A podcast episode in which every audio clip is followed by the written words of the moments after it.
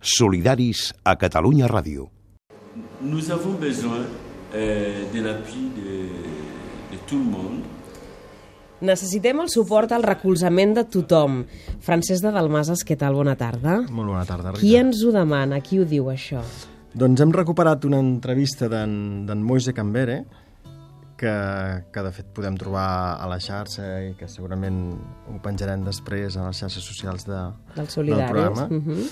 I l'hem volgut recuperar perquè, perquè aquesta persona, en Moise Cambere, va ser detingut al Kivu Nord, la República Democràtica del Congo, a principis d'aquest mes.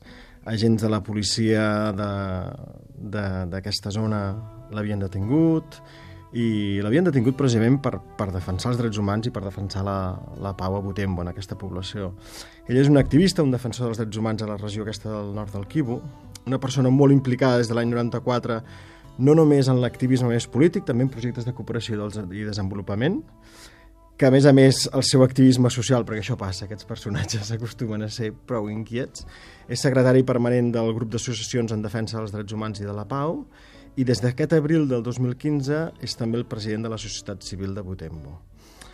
Són, ja amb els noms ja podem entendre que són organitzacions imprescindibles, compromeses, que treballen per la defensa, per la construcció de la pau en un escenari que és molt complex, uh -huh, només per les referències que en tenim, perquè, perquè parlar de la pau on la violència té un punt d'enquistament, doncs precisament fa més, més necessari que mai aquesta feina que fan, no?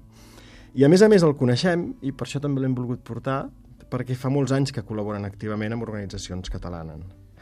De fet, la detenció de Canberra, ell és un personatge molt relevant, uh -huh però a Butembo és un escenari habitual d'aquestes detencions arbitràries, il·legals, es cometen tortures en els calabossos policials, bé, també doncs, de, de forma regular, i va ser interessant perquè el que va fer aquesta detenció és que hi hagués una certa revolta social, també pacífica. Es van organitzar unes, unes jornades que en deien de ciutat morta, que senzillament les associacions no feien res. Mentre ell estigués a la presó, mentre ell estigués detingut, cap d'aquestes associacions tenia activitat, una mena de, uh -huh. de vaga de braços caiguts. De fet, el van alliberar la setmana, la setmana següent. I una mica aquesta, aquesta detenció demostra que, que aquestes properes eleccions que hi haurà al Congo han provocat un cert nerviosisme en el govern, perquè cada cop hi ha més demanda de pau, que també vol dir més demanda de democràcia, més, de, més, més demanda de que hi hagi alternança política. Segurament també d'empoderament de les persones que Clar, i, que i una mica el bo d'aquesta atenció és que ha provocat l'efecte contrari, és que es demostra que aquesta feina d'aquestes associacions doncs, ha generat que hi hagi una societat amatent, Clar. que no, no, no, no resten diferent quan passen coses d'aquestes, no? I com que en aquesta secció, a més a més de, de portar aquests personatges que són interessants... De buscar els altres noms del món possible, sí. També ens interessa, sembla, no només escoltar, sinó també participar. Ens ha agradat molt aquesta... Ara et comentava que ha tingut força relació, per exemple, amb la cooperació catalana, i quan parlem de la cooperació catalana a Congo hem d'anar a parar per força a la xarxa d'entitats de la República Democràtica del Congo, uh -huh, i tant. que és una coalició formada per, per entitats diferents, per persones especialistes en aquesta zona en aquesta zona d'Àfrica, i que ja des de l'any 2009 doncs, el que fa és enfortir les estratègies de participació i de col·laboració entre les entitats catalanes i les congoleses per fer projectes, però també per denunciar, per crear opinió, per informar sobre el conflicte a la República Democràtica del Congo. Sabem que una de les pitjors lloses dels conflictes és el silenci, és la I una de les pitjors lloses pel periodisme és el voler pretendre, repetir, recordar que passen coses molt greus en determinades zones del planeta, perquè un cop ho hem dit sembla que ja està, i la gent de la xarxa insisteixen, insisteixen, insisteixen, i han de continuar insistint.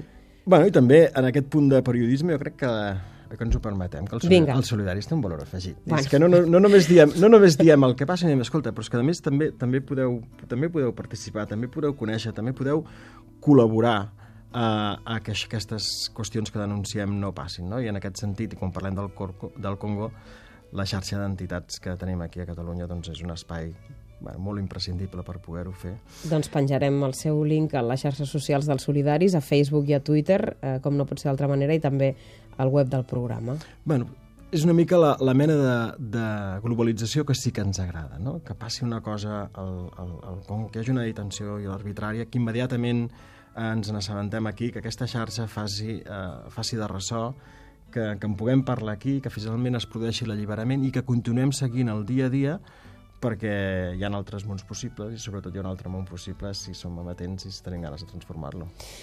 doncs eh, intentarem posar el granet de sorra per fer-ho. Gràcies, Francesc de Dalmases, i fins la pròxima. Fins a la propera, Rita, fins aviat.